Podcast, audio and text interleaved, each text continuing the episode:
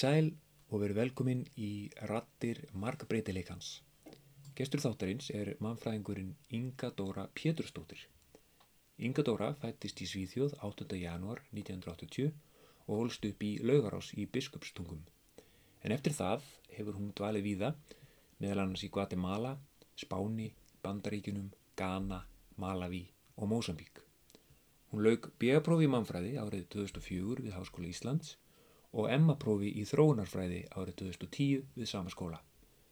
Í náminu beindi hún helst sjónum að heilsutengdri mannfræði með áherslu á Afríku og HVV. Í gegnum tíðina hefur Inga Dóra unnið við ímistörf meðal annars sem framkvæmda stýra UN Women á Íslandi, sem jafnbreytisfulltrúi NATO í Kabul, setna sem jafnbreytisfulltrúi World Food Program í Mosambík og svo hjá utanríksráðunetinu. En í dag starfar hún sem forstuðukona sendiráðs Íslands í Malawi. Sæl Inga Dóra og ertu velkomin í Rattir markbreytileikans. Takk fyrir. Uh, ég er heppin að ná að þig, þú ert í stuttu stoppu í Íslandi, er það ekki? Jú, Já. ég hef verið með í sumafrí núna Já. og eigum eh, rúma viku eftir, þannig að bara rosa gaman að fá að koma.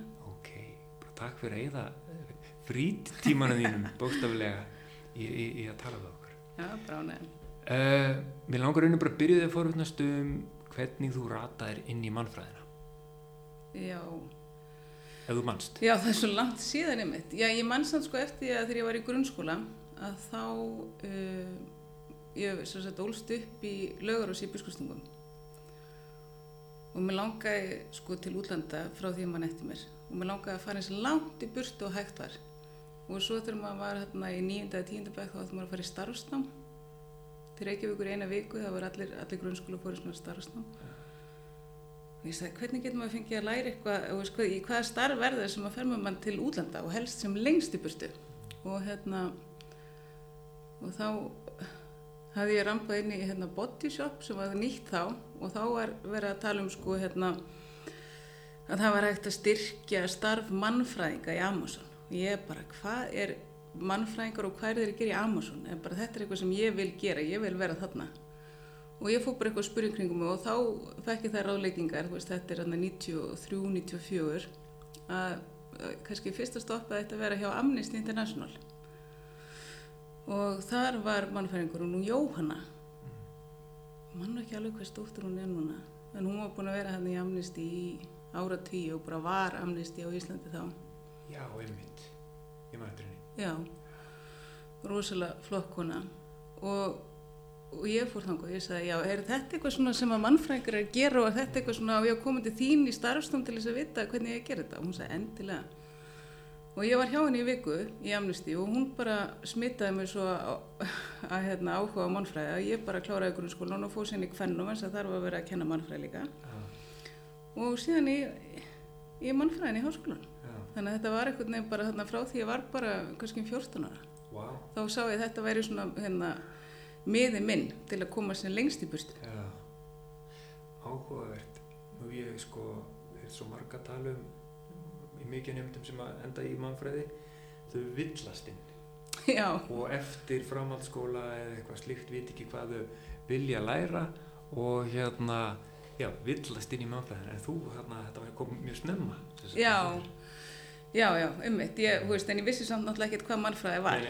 Þannig ég hafði bara svona gert mér mér eigin hugmyndur um það og svona, Já. þú veist, fengið einhverju svona brotakenda vitnisku hér og það var bara búið til mér mín eigin mynd. Og síðan eftir hvernu að þá fór ég til uh, Ghana. Já, Já, þá hefði ég líka verið í Guatemala reyndar áður og hefði fengið starf hérna hjá, svona, hjá saminu þjónum sem hefði ítt undir hennan áhuga og verið Já. þar í eitt ár. Og eftir uh, hvernig fór ég eitt ár til Ghana og var þar og var, hefði verið, þú veist, í svona ungmennaskiptum, þannig að ég var að kenna í grunnskóla. Og kom heim með miklar hugmyndur um að ég myndi vilja vinna í þróunasaminu.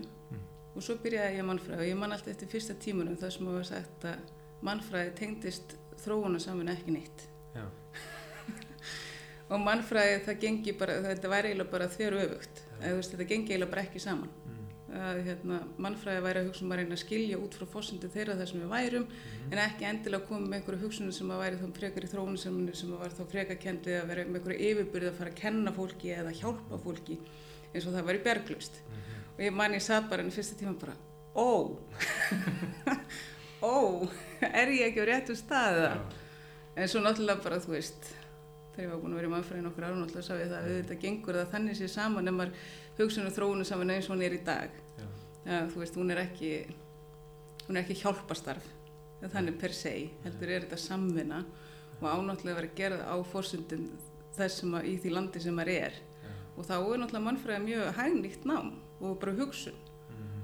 að skilja eh, samfélagi sem eru í og aðstæðunar og, og hvernig það er sem að fólk myndi vilja leysa eh, þær áskonar sem að stendur frammi fyrir Einmitt, nú, nú man ég hvernig hérna, þegar ég byrjaði þannig að við vorum á svipuðum tíma Já. þarna, það voru ekki á sama ári.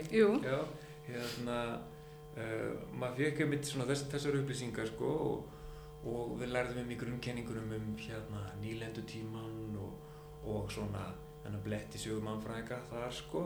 Mitt, hafi verið fengnir til þess að þannig að rannsaka hópa og, og hvernig var spurning svona áversagt hvernig þessar upplýsingar voru notaðar og slíkt. Uh, þannig að ég mæn eftir að fengi þessi skilabóð sko. Já, mjög stærst já. Mm og hérna og þetta er kannski eitthvað sem að eða, eða hvað sem, sem við mannfræðingar svona er að passa Já, upp á að gera já. ekki aftur eða Já, þetta er svona þetta er svona umt sár.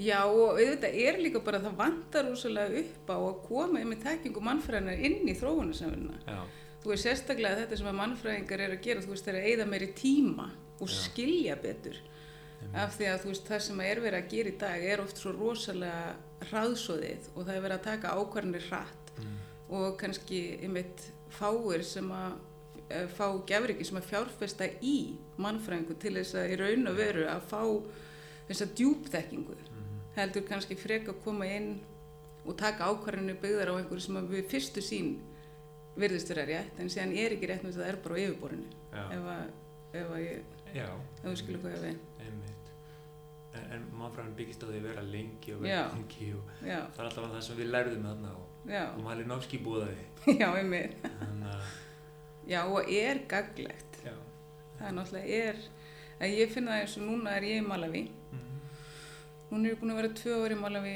e, sendir á Íslands en ég hafði verið þar tvö ára áður og þá hafði ég verið að gera mastersvíkirinu mína. já, Þannig að ég finn alveg sjálf að það er gaglegt að hafa já, lengri þekkingu og kannski dýbri. já, Að, þú veist maður, það er margt sem að maður skilur miklu betur og sem að kemur með tímanum og í rauninni kemur með að því að þá hafði ég tíma til þess að vera að tala við fólk. Þá var ég bara að taka viðtölu og taka viðtölu og taka viðtölu og bjóði þorpi og sá aðstæðuna kannski öðruvísi heldur en þegar maður bara mm, býr í borg og vinnur á skrifstofu. já. Nú, nú erum við búin að spjalla við, sko, í þessu hlaðarpi við slatta mannfræðingum og, og ég er búin að vera að tala um þetta við mannfræðingar sem eru í ólíkum störfum. En það, þegar þú sagðir eitthvað sem hann rýma beint við það, að hérna, að setjast niður með fólki og spjalla við það, veist, kynnast því, mæta, veist, þetta er það sem aðrir hafa talað um líka, fólki í ólíkum störfum, en bara að þetta er það sem að mannfræðin einhvern veginn innrætti í mannfræðinga, að, að hérna, þessa, hvað sko að segja, tækni og næmni, er, þetta mikið eitthvað sem... Algjörlega, Já, já, bara algjörlega. já. Og, bara, og líka það bara að gefa sér ekki fyrirfram gefin svör sko, að gefa sér ekki svörin fyrirfram. Já, Ég held að það sé líka bara, veist að það er raunverulega að hlusta mm, og ekki bara hlusta, heldur líka síðan að fylgjast með hvernig fólk hagar sér svo og, og hvernig það þá fer saman og hvern, hvað álugtum að dregur þá af því. Og hérna, sagður að hérna, mistarverkefnum þitt, var það, eitthvað, var það hérna, byggt á Já, dvöl þarna? Já. já, þá hana, fór ég og var í Malawi og var að skoða sko að því að þá var HVF mjög útbreytt í Malawi, mjög útbreytt og ég var sérstaklega að skoða sérstaklega út frá konum hvernig þær litu á þessa óp HVF og alnæmi og bara hvernig þær sko höguðu sér í sínu eigin lífi til þess að reyna að forðast smitt já, og, já, og var þannig í einu þorpi við Malavíva já, og var að taka viðtöl og og fylgjast með. já, og fylgjast með sko og sá náttúrulega eftir á og auðvitað var stór galli á þessu að tala ekki líka við kallmenn en þá var það einhvern veginn svona þú veist, það var ekki alveg komið að jafn mikið inn í fræðin sko, þú veist að maður getur ekki bara hort á sjónum með bara hvenna því að þá hefur konur náttúrulega verið esklútraða svo lengi. Já, þannig að þá var svo mikil áherslu á að tala við konurnar. Já, en svo þegar ég fór að skrifa ríkirna þá náttúrulega þeir tók allar þessu upplýsingar saman sem var sko ofbúslega mikið magn af upplýsingum og næsti bara svona þannig að ég gafst upp en það tókst að þá náttúrulega vantaði aðra hliðina. Af því að þá voru þær sko í rauninu svo mikið að smitast út af í gegnum eigimenn sína. Já, þannig að það var ekki, þú veist þetta voru giftar konur en þær voru samt að smitast frá eigimennu sínu sem voru það annarkvort í farandverkavinnu í Suður Afríku eða, eða þeir voru sem sagt átt aðrar kærustur og, og svona. Þannig að þú veist að þá voru þær að tala um það hvernig þær reyna að halda eiginmennunum hjá sér bæði með sko já bara með öllum tiltækum leiðum yfir náttúrulega leiðum og göldrum og öllu. Vá, já og til þess að reyna að forðast að menninni færi til annar að kvenna. En þá náttúrulega þegar ég tók þetta síðan saman sko, þá vantaði náttúrulega upp á að heyra hva, hvernig kallmerinni sá þetta. Mm. Þetta er alltaf vandamáli sem maður þarf alltaf að þrengja þegar maður er að gera eitthvað svona rannsók já, og til þess að bara ná eitthvað utanum það og, og, og, og, og meistarritgerð er, er ákveðið form þarna. Það er efri mörg á hvað maður getur tekið fyrir og skrifað um. Þannig að ég, ég held að þetta þetta, hljómar eins og bara skinsamlega afmörkun sko. Já, já, en, en svo er alltaf hægt að gera einmitt. maður hugga sér við það alltaf sko. Já, ummitt en já, ég, hef, ég hefði ekkert geta verið með meiri góð sko, það hefði ég ekkert ráðið fram úr þessu. Að þegar allt eins og alltaf þegar manni finnst eitthvað svona áhugavert þá bara heldur maður áfram, áfram, áfram og svo endunum verður þetta bara frumskoð sko. Já, en þetta var mjög, mjög skemmtilegt. Alveg virkilega áhugavert. Já.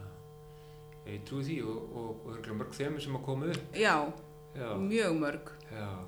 og það og bara ekkert erfitt að ákveða sem bara hvað og hvað ætlar að elta já, Jú, það var það, en í rauninni var þema sem að varð ofan á, það var sem sagt það að konur, ólíkt því sem ég hafði verið búin að lesa uh, og bæði í bíareikirinn minni og síðan í flestum svona fræðibókum á henni fóru út, að það voru konur sem hérna var alltaf litað á þessum fórnalömp, þú veist að þær hefði ekki vald Já. til þess að reyna að verja sig og það væri náttúrulega, þú veist, efnaðslega háðar eigimununum og allt þetta.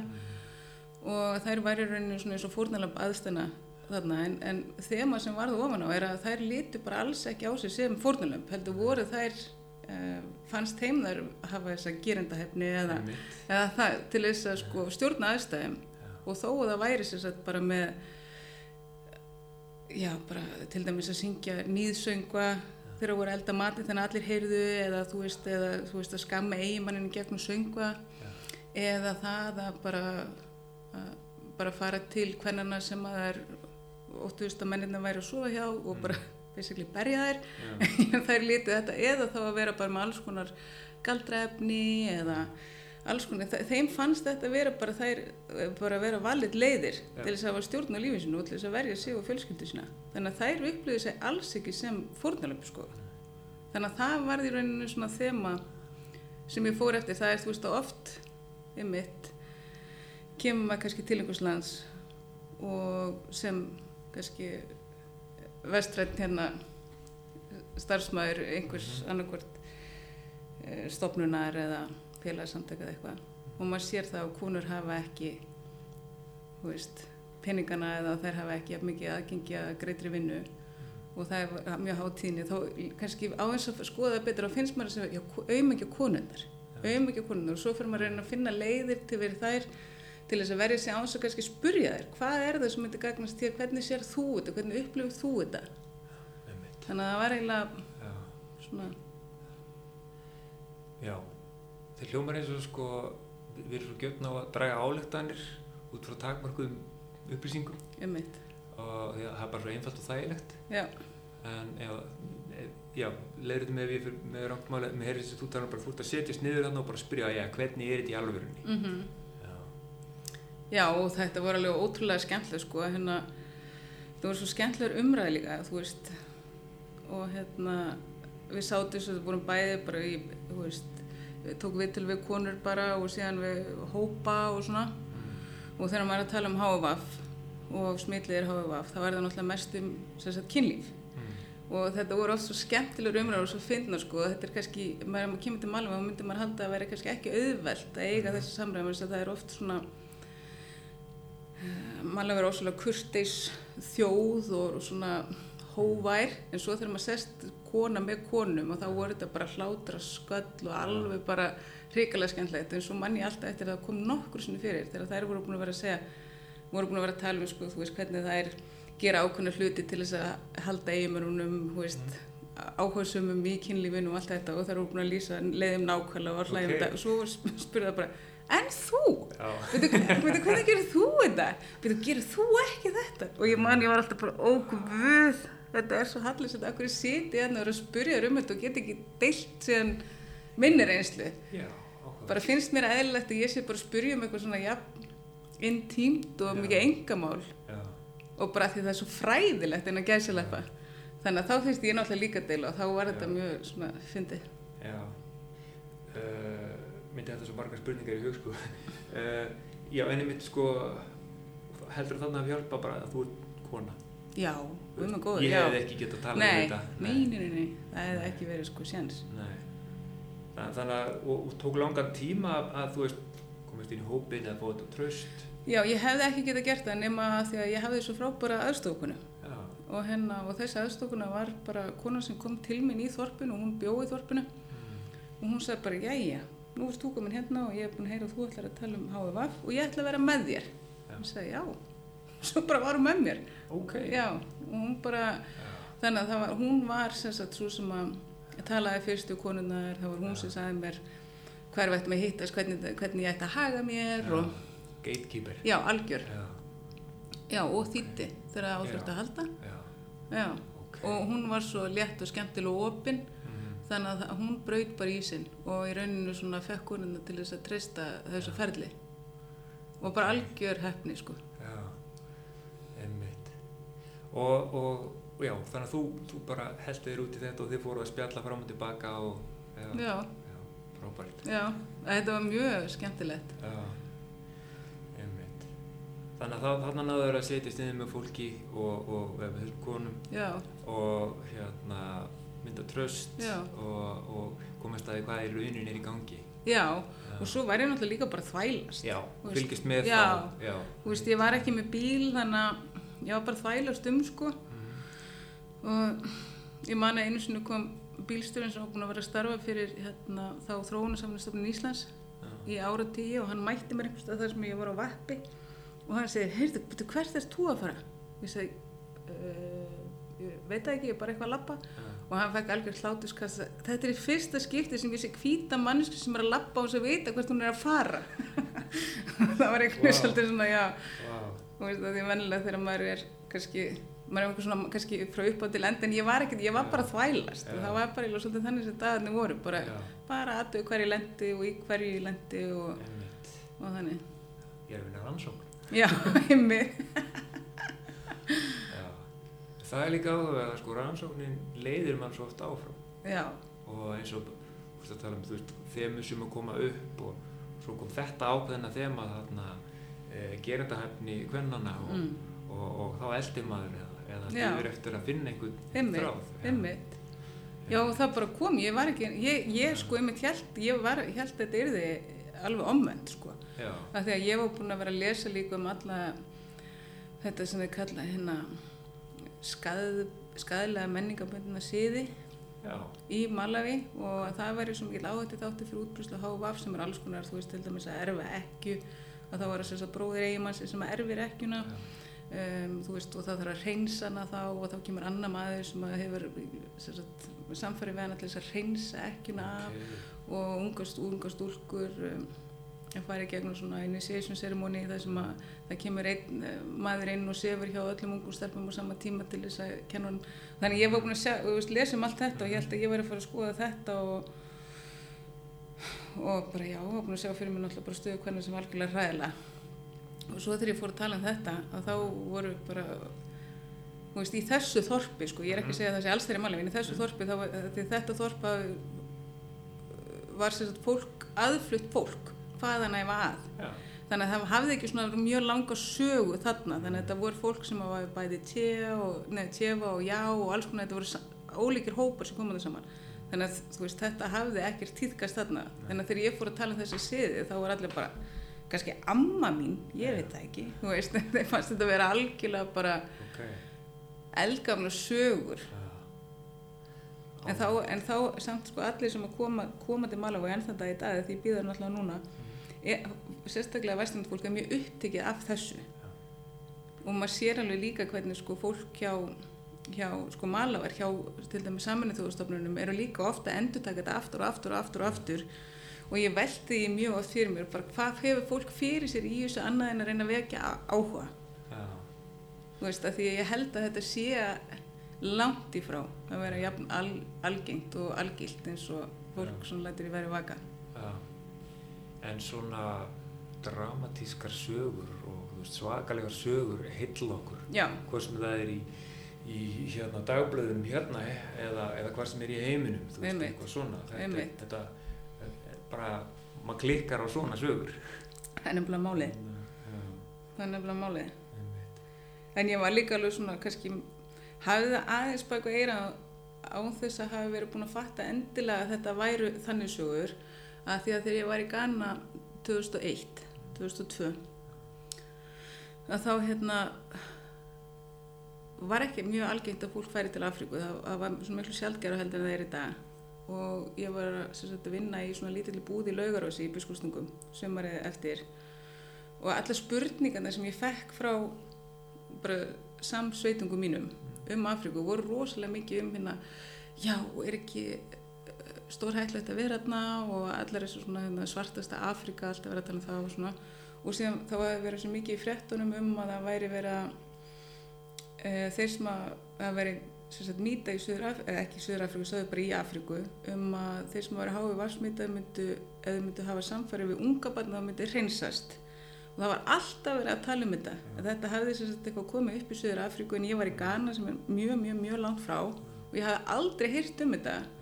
En það var alltaf þetta var svona þegar fyrsta sem fólk spurði mig um, um upplifum í Afríku og ég var alveg að vera vittlis á þessu þannig ég var alveg svona kannski pínum meðvitið um að það eru alls konar svona sögur sem að þykja áhugaverðar eða svona mjög framandi sem að er alltaf að koma upp aftur og aftur þó að sé ekkit endilega fótið fyrir þeim. Þannig að þegar ég fór að spurja konundar í Malawi um þessa siði og þær voru bara umgært að tala? Þá var ég alveg, ó já, nú skil ég. Já. Já, en það er eins og bara þegar að hérna fyrstu frásagnir frá, veist, Ameríku Mhm. bara, þú veist, fyrir hundur ára síðan, sko, þú veist, það var s- framandi sögur, Mhm. framandi fólki, það seldust, þessar sögur seldust upp og voru, voru, voru sagðar og endur sagðar og ég, þetta var bara eitthvað svo juicy, já, ég meina þú veist, svo veit. bara, þetta, þetta er alltaf svona, þegar Já. já, Þannig að hvað sem þið séð að heyrt eða, eitthvað annað. nákvæmlega.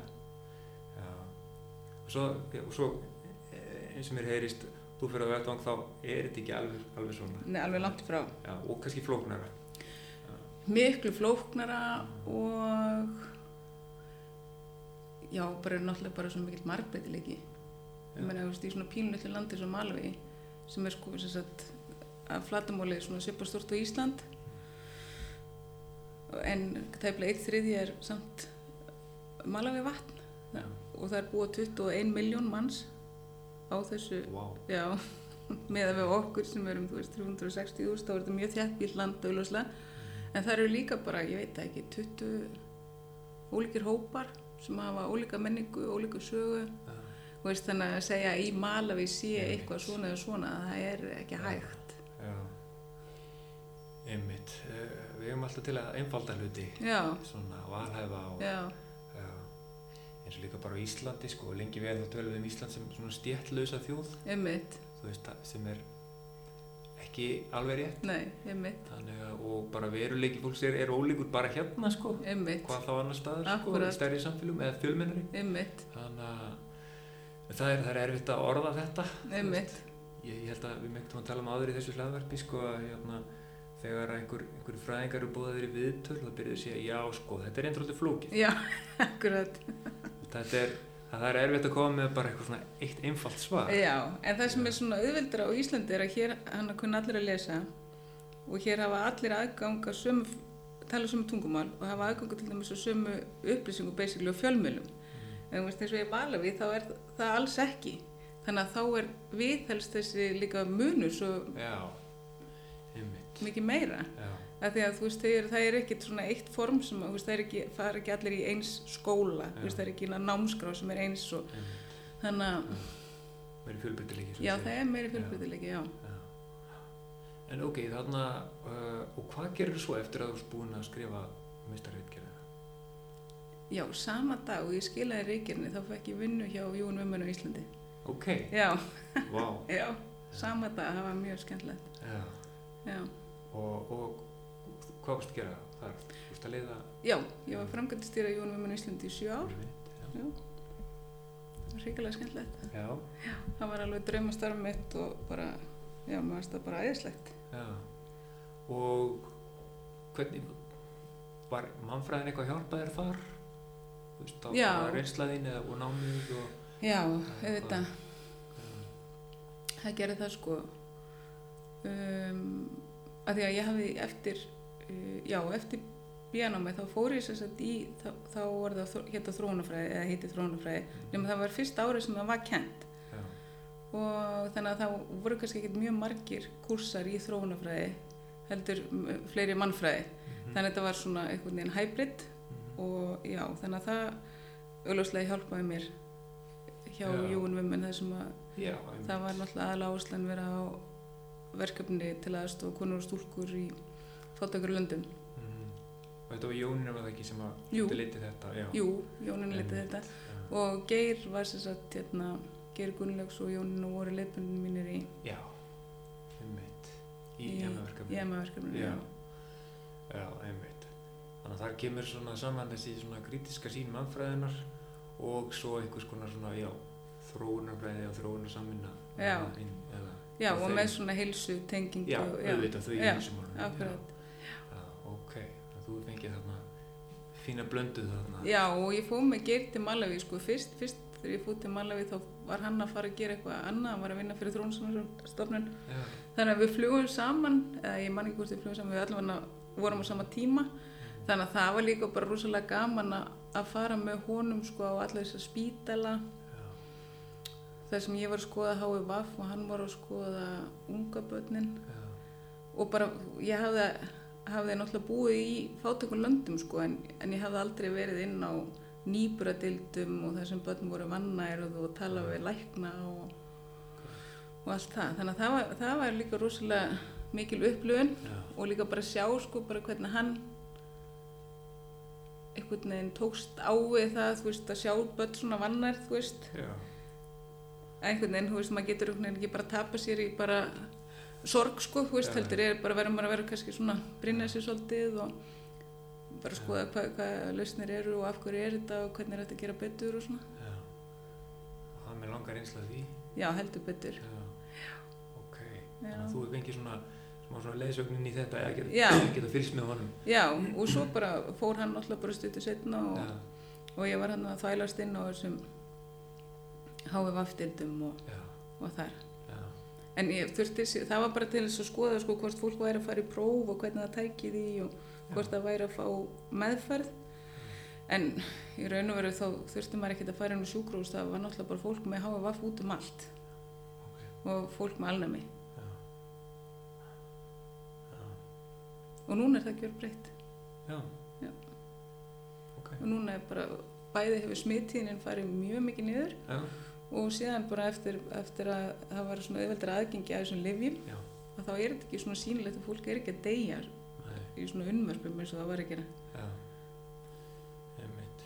Þannig að það er, ást, ástandið er, er talsvægt breytt með, með tilliti til HVF, já. Að hafa- Já, já, einmitt, Já, já, mjög breytt. já, já. ok, já, og, og þú ert í hérna Even Women Já, og hvað varstu lengi þar segir? já, sjö ár. Sjö ár? Já, Já, ok, og þá að stjórna alls konar verkefnum og, já, já, já, og það var nú kannski líka svona, já, kannski mitt að sem að maður kannski lærir í mannfræðinu, þú veist, það er að maður það líka bara að tala ólíkt við ólíka hópa, að því að þá var ég að tala til dæmis við íslensk stjórnvöld, ég var náttúrulega að tala við saminuð þjóðurnar, við vorum að tala við almenning á Íslandi og, og reyna að fá almenning á Íslandi til liðs við okkur, þannig hvernig segjum maður frá einhverju verkefni sem eru kannski framandi til þess að fá fólk til þess að hafa áhuga á þeim já, og leggja fjárhagslega lið, tala við fyrirtæki, veist, hvernig getur maður fengið fyrirtæki, íslensk fyrirtæki til þess að hafa áhuga á að vinna fyrir þennan málflokk og hvernig beitir maður sagt, stjórnvöld sagt, svona, þrýstingi að leggja málefninu líka lið og hjálpa þeim náttúrulega bara að vinna að þessum málflokki og já, þetta, þannig að þetta voru svona rosalega margir aðilar sem við vorum að tala við um það sama en þurftum að tala um það á ólíkan hátt. Já, og mér fannst það rosalega skemmtilegt. Það er ólíkt tungum, ólíkt Já, tungum rauninni. já. að því að ef maður myndi sko segja það sama af alla þá myndi það ekki virka. Því fólk hefur náttúrulega áhuga á ólíkum hlutum. Já, einmitt, og skilur mikilvægi máluflokksins á ólíkan hátt. Já. Og í þessi það, það varstu það bara á Íslandi? já, nei, já, já.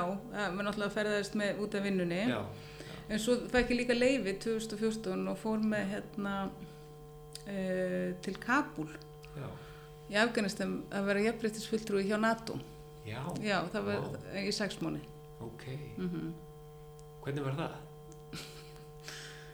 í alls konar bara. Já, já, það var alls konar.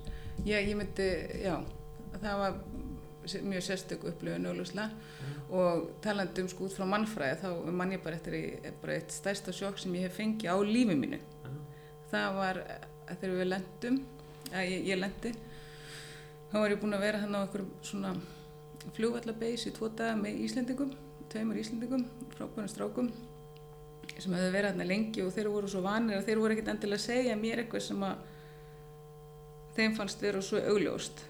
Um, að það var til dæmis að þeirra var náð í mig til þess að fara með mig á aðal hérna, kampinn sem þeir voru ekki þá stendi bara fyrir utan svona brinnvarinn bíl og kemur átinn ára bandæsku strákur sem er bílstörinn og þeir setja mig í skotelt vestu og eitthvað svona hatt sem er svona, veist, svona hjálm sem er allt og stór hann er eitthvað svona á hliðinni og svo bara kemur þessi átinn og strákur og bara ætlar að íta mér inn í bílunum og segir bara og ef við lendum í ykkur slisi þá er öryggiskóðinn þetta, þetta, þetta, þetta, þetta. Og ég bara, ha?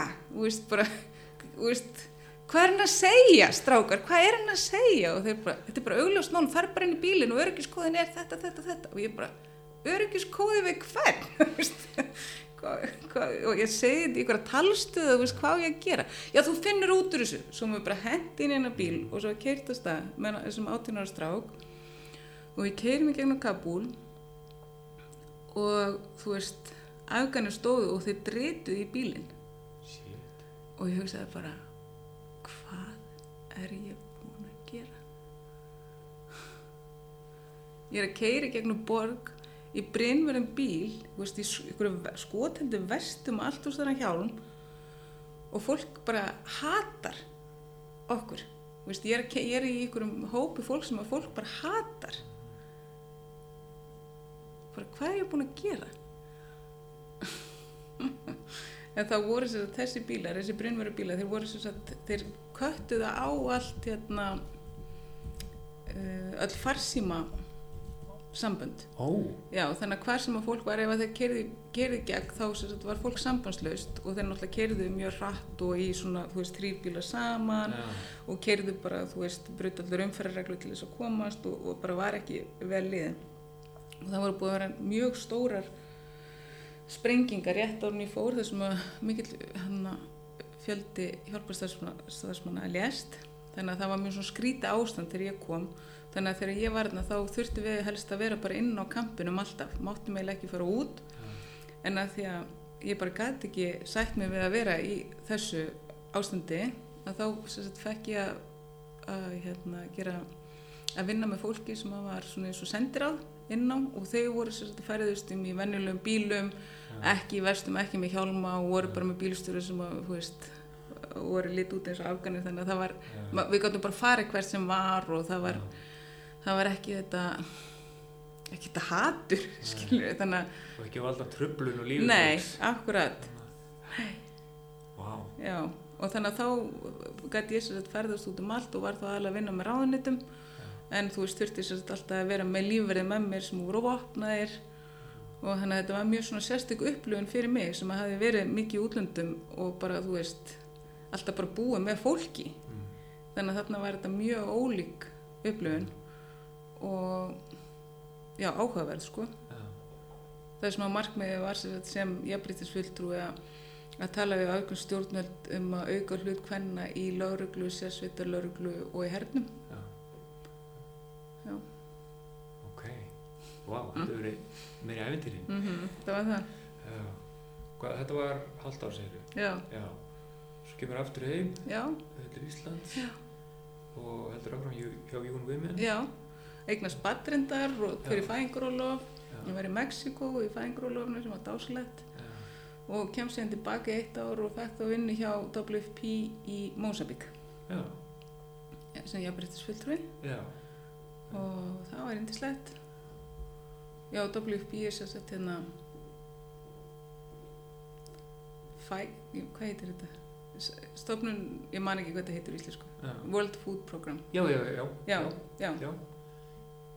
Ég man að það, þú veist ekkert mann titluð það held ég á, á Facebook. Já, getur verið. Já, já. Ég man ekki alveg hvað heitir. WFP í íslensku en já, ég var þar í tvö ár í Maputo og ferðaðist mjög mikið um landi Mósambík er alveg rosalega stórt land.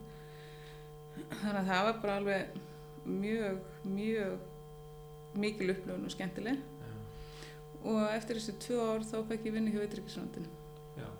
Ég kom heim og var þar í ár og fór síðan til Malawi. Hvað varst að gera hjá Utrýsson? Um, já, ég var sem sagt svona eins og all, allstar í Íslandi þá var maður svo marga hatta sko. Já, já, já. Þannig að, já, ég var sem sagt tengilegu í UNMN og UNFPA Já. og ég var sem sagt stofnaði saman í þjóðarna og síðan var ég líka með umhverfismál já, og ég breyttismál. Já. Hvernig var að vinna þar? Bara æðislegt, Já, svakalega skemmtlegt. En þetta var líka bara mikið að ferðalögum þannig að ég var kannski eina Já. tveir vikur í mánuði útlöndum já, fyrir COVID já, og já, það var bara já, það var svolítið gaman að sitja allt í henni hinum ef við borðið vera þess að, þú veist, í rauninni gefur ekki að tala við stofnunum þegar ég hafi verið bara nokkrum, þú veist, vikum áður já. að vera að vinna fyrir saminu þjóðnar að tala við gefur ekki Já, þannig já, að það með svona gaman að, að, að reyna að horfa á sömu hlutinu út frá mismunandi hliðum þannig að já, það var bara mjög skemmtilegt Já, og svo fer ég náttúrulega með frá auðvitaðrikiðsannandinu til Malawi já, já, ok. mm Þannig að þú ert komið alveg svona viðtaka reynslu uh, í þessum bransa, Já. þessum hliðum. já, Já. Já. Og svo núna í Malawi að þá eru erum við mikið að vinna með félagsamtökum sem eru þess að vinna verkefni sem eru að koma til okkur sækjum hérna, já, sækjum fjármagn til þess að við vinnum það saman þannig að Já, Já, þannig að þetta er í- rauninni bara, já, ég held að sé komið svona 360 gráður alveg bara með svona verkefni og, og vinna að þróunasamvinnu frá ólíkum, já, úr ólíkum stólum, já. Einmitt. Þannig að, frá bodyshop til Malawi með alls konar stoppum mhm. hér og þar. og aldrei komið í Amazon skóin sem að var það sem Já, að kveikja að þessu. Já, já. Þarftu þess núna? Já, ég myndi nú að segja það. Já, Já. ok, er það á listanum? Já, Já. það er það, Það er líka, þú veist, maður þarf að eiga eitthvað eftir, sko. Já, einmitt. Það er nóg eftir. það er það. Já, ok, já. Þannig að, en, en, en mér heyrist eins og þú hefur fundið það sem að þú vildir. Þú vildir fá starf þar sem getur verið mikið í útlöndum. Mm og hvað, langt í burtu, á Já. Íslandi, unnið eitthvað þar og þú tengdi það við mannfræði. Mm og þú ert að gera þetta, þú ert búin að vera að gera þetta. já, um mitt, Heil mikið flandur, heyrist mér. já. Já, já, ég kann mjög vel við það. Já, og mér finnst rosalega gaman að að vera í svona umhverju sem er kannski ólíkt Íslandi. Svo finnst mér æðislegt alltaf að koma til Íslands líka. Já, en mér finnst rosalega gaman að vera já, að búa í menningu sem að, þú veist, ég þarf ofta svona að rýna í og reyna að skilja og átta á og, já. Nota mannfræðan. já, Já, já. Heldur að er mannfræðin góður undirbúningur fyrir bara fólk sem vill einmitt ferðast mikið og, og, og kynast öðrum menningum. Ekki spurning. Já, og góður undirbúningur undir st- starf, störf sem Já. að krefast þess. Já, ég myndi segja það. Já, ég, og það er þá bara þessi aðferðfræði og já það er þessi aðferðfræði og ég ætla að það er kannski svona ljótt að segja en þú veist en stundum fylgir er svona vestrætt hróki svolítið vandamál. Já, þú veist þegar maður er kannski komin í nýtt land og, og það er mikil fátækt og manni finnst kannski margt kemur manni svona undarlega fyrir sjónir að þá getur svo auðvelt að falla í eitthvað svona að halda að við kunnum eitthvað betur. Og við getum gert eitthvað miklu betur bara automatist að því að við séum við komandi frá einhverju landi. Og þetta er þetta er vandamál sko. Já, og ég man bara eftir því að þegar ég fótti Guatemala 18 ára að þá var ég strax komið með þennan róka ég náttúrulega vissi ekki neitt um neitt 18 ára krakki. En mér fannst samt alveg svona eiginlega sjálf gefið að ég vissi svona eiginlega bara sund svolítið betur heldur en Já. fólki í Guatemala. Og svo náttúrulega bara klæst ég á vegg bara á nokkrum mánum og sá náttúrulega ég vissi bara ekki neitt Já. um neitt. Og þurfti bara að læra og, veist út frá fólkinu kringum mig hvernig hlutinu virkuði fyrir sig. Líka bara velta fyrir mér sko, sko myndin sem við fáum af ímsum löndum lengra í burtu eða bara heimsálfum í gegnum líka bara þú veist dægurmenningu og, og svona þú veist þessi hérna lög hjálpum þeim já, og glemdi ekki þínu minnsta bróður einmitt. og allt þetta og, og í myndböndunum er þú veist bara svakalegustu myndirnar Mhm. af, af hérna litlu böndunum með stóru magana og þetta uh, þú veist við, við erum svolítið við fáum þessi skilabóða að þú veist við þurfum að fara út og hjálpa. Já, einmitt. og svo, svo, lýsir þú því svo ertu komin út til þess að hjálpa. Mm þá er þetta bara miklu flóknar Einmitt, Já, já. Já, ég meina auðvitað, þú veist, þarf fjárstæning, en ég er að hugsa mér svo þarna lægi, þarna vinsilega jólalægi sem að segir hérna til dæmis Do they know it's Christmas time at all? Mér finnst það líka alltaf alveg ógislega Já. að fyndi. Það þið vitur ekki þessu jólinn og það er ekki snjór. já, já. En já, það er svolítið einmitt þetta og Vestræn í hrókin já, já. Og ég man eftir þegar ég kom heim frá Malawi hann 2007, nei 2009, já, þarna í hruninu, að þá voru svo margir sem voru að segja við mig, já, er ekki bara besta hérna, að því að núna er komið hrun á Íslandi og svo margir sem eru að missa vinnuna, er ekki bara best að við sendum til dæmis bara fullt af kennurum frá Íslandi, grunnskólakennurum, til Malawi og bara, þú veist, hjálpum svona með því að senda bara íslenska kennara. Og veist, ég skildi alveg hugsunina Já, og hún er alveg náttúrulega bara góð í sjálfu sér. En íslenska kennari sem tala ekki lokal tungumál hafa aldrei búið í Malawi eða Afriku bara yfir höfuð og bara hafa enga skilning á sko, aðstæðunum. Eins og sk- skólakerfi er vægarsagt aðbúnaður í skólakerfinu er vægarsagt öðruvísi. Já, hefðu ekkert að gera og þú getur ekkert kent og það er fullt af fólki í Malawi sem er með kennaramöndun eða vantar bara að borga launið þeirra einmitt. og bæta aðstæður skólabarna. Já. En þú veist þannig að þetta var svona já, við, við hljótum að geta gert bara betur veist þannig að ef við sendum kennaran okkar þá mun þetta reddast. Og allir vinna. Já, allir vinna. Já, en það er ekki veist hæfileikarnir eru hæfileikarnir eru hana um, mannauðurinn er hana um, vit, eða, veist, viljun og hvatin en það sem að vantir er fjármagn. Einmitt. þannig að ef að við getum þú veist, fjárfest já, að þá er það í rauninni svona mesta hjálpin. Já. Og svo nú er ég alls ekki sérfræðingur í þessum málum það er bara það sem ég hef heyrt er líka bara þú veist einmitt um, að fjármunum sé, fari, fari í réttan farveg, já, að það séu ekki mörg svona sjálfstæði verkefni einmitt, sem að stjórnað sko frá vesturlöndum, einhver ætla að koma og bjarga málunum. Algjörlega, sem eru kannski að gera bara. Einmitt. Það, algjörlega. kannski það sem að við fengum að heyra þarna á fyrsta ári Já, einmitt, já, akkurat. Eitthvað svona svolítið varnar orð að þetta er flóknari það. Já, já, já, og ég meina það sem er náttúrulega núna er verið mest verið að gera það er náttúrulega bara að vinna með stjórnvöldum í viðkomandi landi. Já. Þannig að, þú veist, maður vinnur með stjórnvöldum með hér að segja völdum að þeirra, þá veist, þau gera stefnuna, Já. þau ákveða áhersluatri og forgangsatri Mm.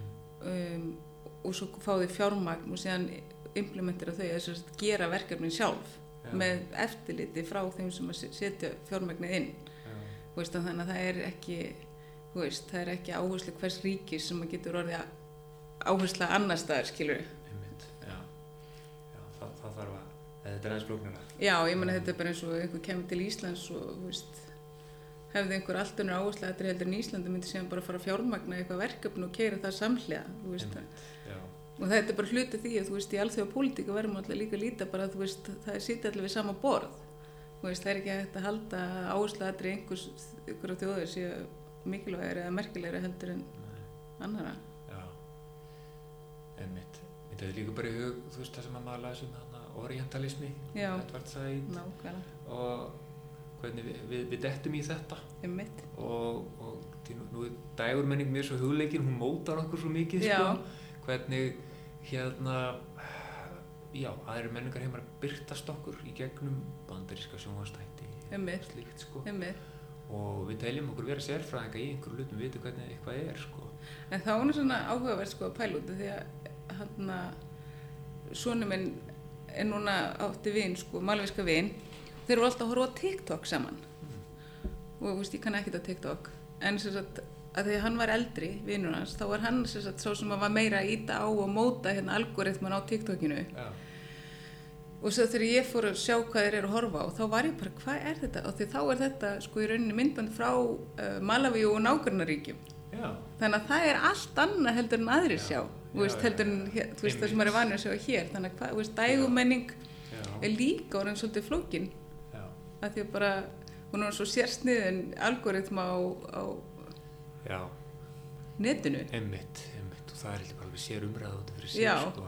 þannig að, þannig að maður, því meira sem maður klikkar á eitthvað þá sér maður eitthvað ákveði já, en einmitt sér ekki já, einmitt, já, að því að þú veist, TikTok og myndbund eru bara sko blómstrandi business í, í mörgum löndum sko. Já, einmitt, já, og, og við kannski hérna fáum einhver ákveðana mynd já, einmitt, og já, annars það kannski er það eitthvað annað? Já. já, einmitt. Hérna, ég er hérna búin að fá svöru öllum spurningunum á, á listanum mínum. já, og, og meira til. Ok. Uh, mér heyrist þú vera hérna að taka heilmikið úr, úr mannfræðin inn í störfin þínu og starf þitt í dag. Uh, Já. er það rétt skilið? Já, ég held líka bara svona, þú veist, að það er líka það sem ég held að skipti líka rúslega miklu máli með mannfæðina, það er til dæmis, og hjálpa mér núna, það er til dæmis með manniðsmál. já, Þú veist, eins og núna er, þú veist, í sendiráðinu eru við tvær íslenska konur og síðan eru held ég 11 staðaráðinir sem eru svo malavar mm, og oft einmitt eru svona, þú veist, menningar ekki árækstrar en þú veist maður þarf að skilja Já, því að já, þetta eru bara veist, að vinna á íslensku fyrir Malawi að vinna á íslensku vinnustaf í Malawi með ákveðnu áherslum. Þú veist að þetta verður þetta, er- það þarf að vera rosalega mikil menningatúlkun og, og skilningur. Og ég held að það er mér svo skemmtilegt að hún Kristina Sigurbjörnsdóttir sem vinnur með mér, hún er líka mannfræðingur já, ok. Já, wow. þannig að ég held að það hjálpa okkur báðum. Já, einmitt. Að svona, já, átt að sjá hlutunum, setja það í samhengi eða hvað? Já, og tólka eða? Já, að því að þú veist, þannig er maður sagt, í, í malavísku samhengi á íslensku vinnustad og þetta verður svona svolítið, um eitt rugglingslegt sko. Já, trú því Mm Já, En mjög skemmtilega, það er líka frjótt. Já, og ég held að þeim finnist líka að því að núna erum við til dæmis mest konur, er mikill meiri hluti starfsmanna eru konur. Og fyrir þær er komin í sko íslenskan vinnustad og vera með sko tvo yfirmenn sem er íslenska konur og ég man að bílstjórnin sem er einn af þessum tveimur kallmönum sem að vinna í líflangvi núna, hann sagði já, núna erst þú sko þriði yfirmaður minn sem er kona. En ég, ég held þegar ég fekk fyrstu yfirkonu ég sagði, ég þarf að segja upp, ég get, al, ég get aldrei unni fyrir konu. Okay. og svo svona, nú held ég geti bara ekki snúið við. Þannig að þú veist einhvern veginn að þá bara að fannst hún það í alvörinu bara fyrir svona 7-8 árum bara fjärstaðkjönd að vinna undir konu og hann, hann er bílstjóri Já, einmitt. Þetta er bara eins og veist, með uh, veist, fyrirmyndir, um, maður hefur heyrt sko, uh, fólk tala um þetta til dæmis sko, bara alast upp með Vigdísi Já. sem fórseta. algjörlega Já, fórseti, það er kvennastarf. mm -hmm. einmitt, algjörlega Það er bara skilabóður sem, að, sem, er íslýtingar hafa fengið. já, ég var svo kynslu og er núna með stóra mynd að vitist inn á skrifstofunum Já, ok. já, já, Já, já, Er, er eitthvað sem þú vilt bæta við að lókum? nei, ég held ekki. Það var bara mjög gaman að koma. Já, takk fyrir að koma, þetta voru mjög skemmtur þetta fróðvikt. hérna, bara hljómar eins, starfsæfi þín hljó- hljómar hinga til eins og bara stórt ævintýri. já, en það er samt líka bara gaman að tala um þetta sko því að maður er örgulega og ég er alveg viss um það að nota mannfræðina á hverjum einasta degi. En maður kannski gera það ekki svona meðvita það er einmitt núna bara að spjalla við þig þá er ég alveg bara, já auðvitað er ég að gera þetta bara að nota þetta hverjum einasta degi og ég hef alveg séð það líka bæðið þú veist, hjá Jón Vimmen og núna að hérna í Malvega, þú veist, að þegar maður er að fá svona ungt starfsfólk sem hefur lært mannfræði og er að koma og er að fá fyrsta reynslu að það er það er rosalega gott veganesti Já, maður sér það alveg að það er svona annar hugsunarháttur og bara þessi aðferðafræði sem fólk hefur tilenga sér sem ég held að sé mjög nýtsamlega ef að fólk ætlar í eitthvað sérstaklega svona sko varandi alþjóða sem er náttúrulega bara mín reynsla alþjóða tengt, að hafa þessu hugsun. Já. er mjög gaglegt Já, þessu grunnstillingu. Já, já. Frábært. Takk hjálpa fyrir spjallið. Takk.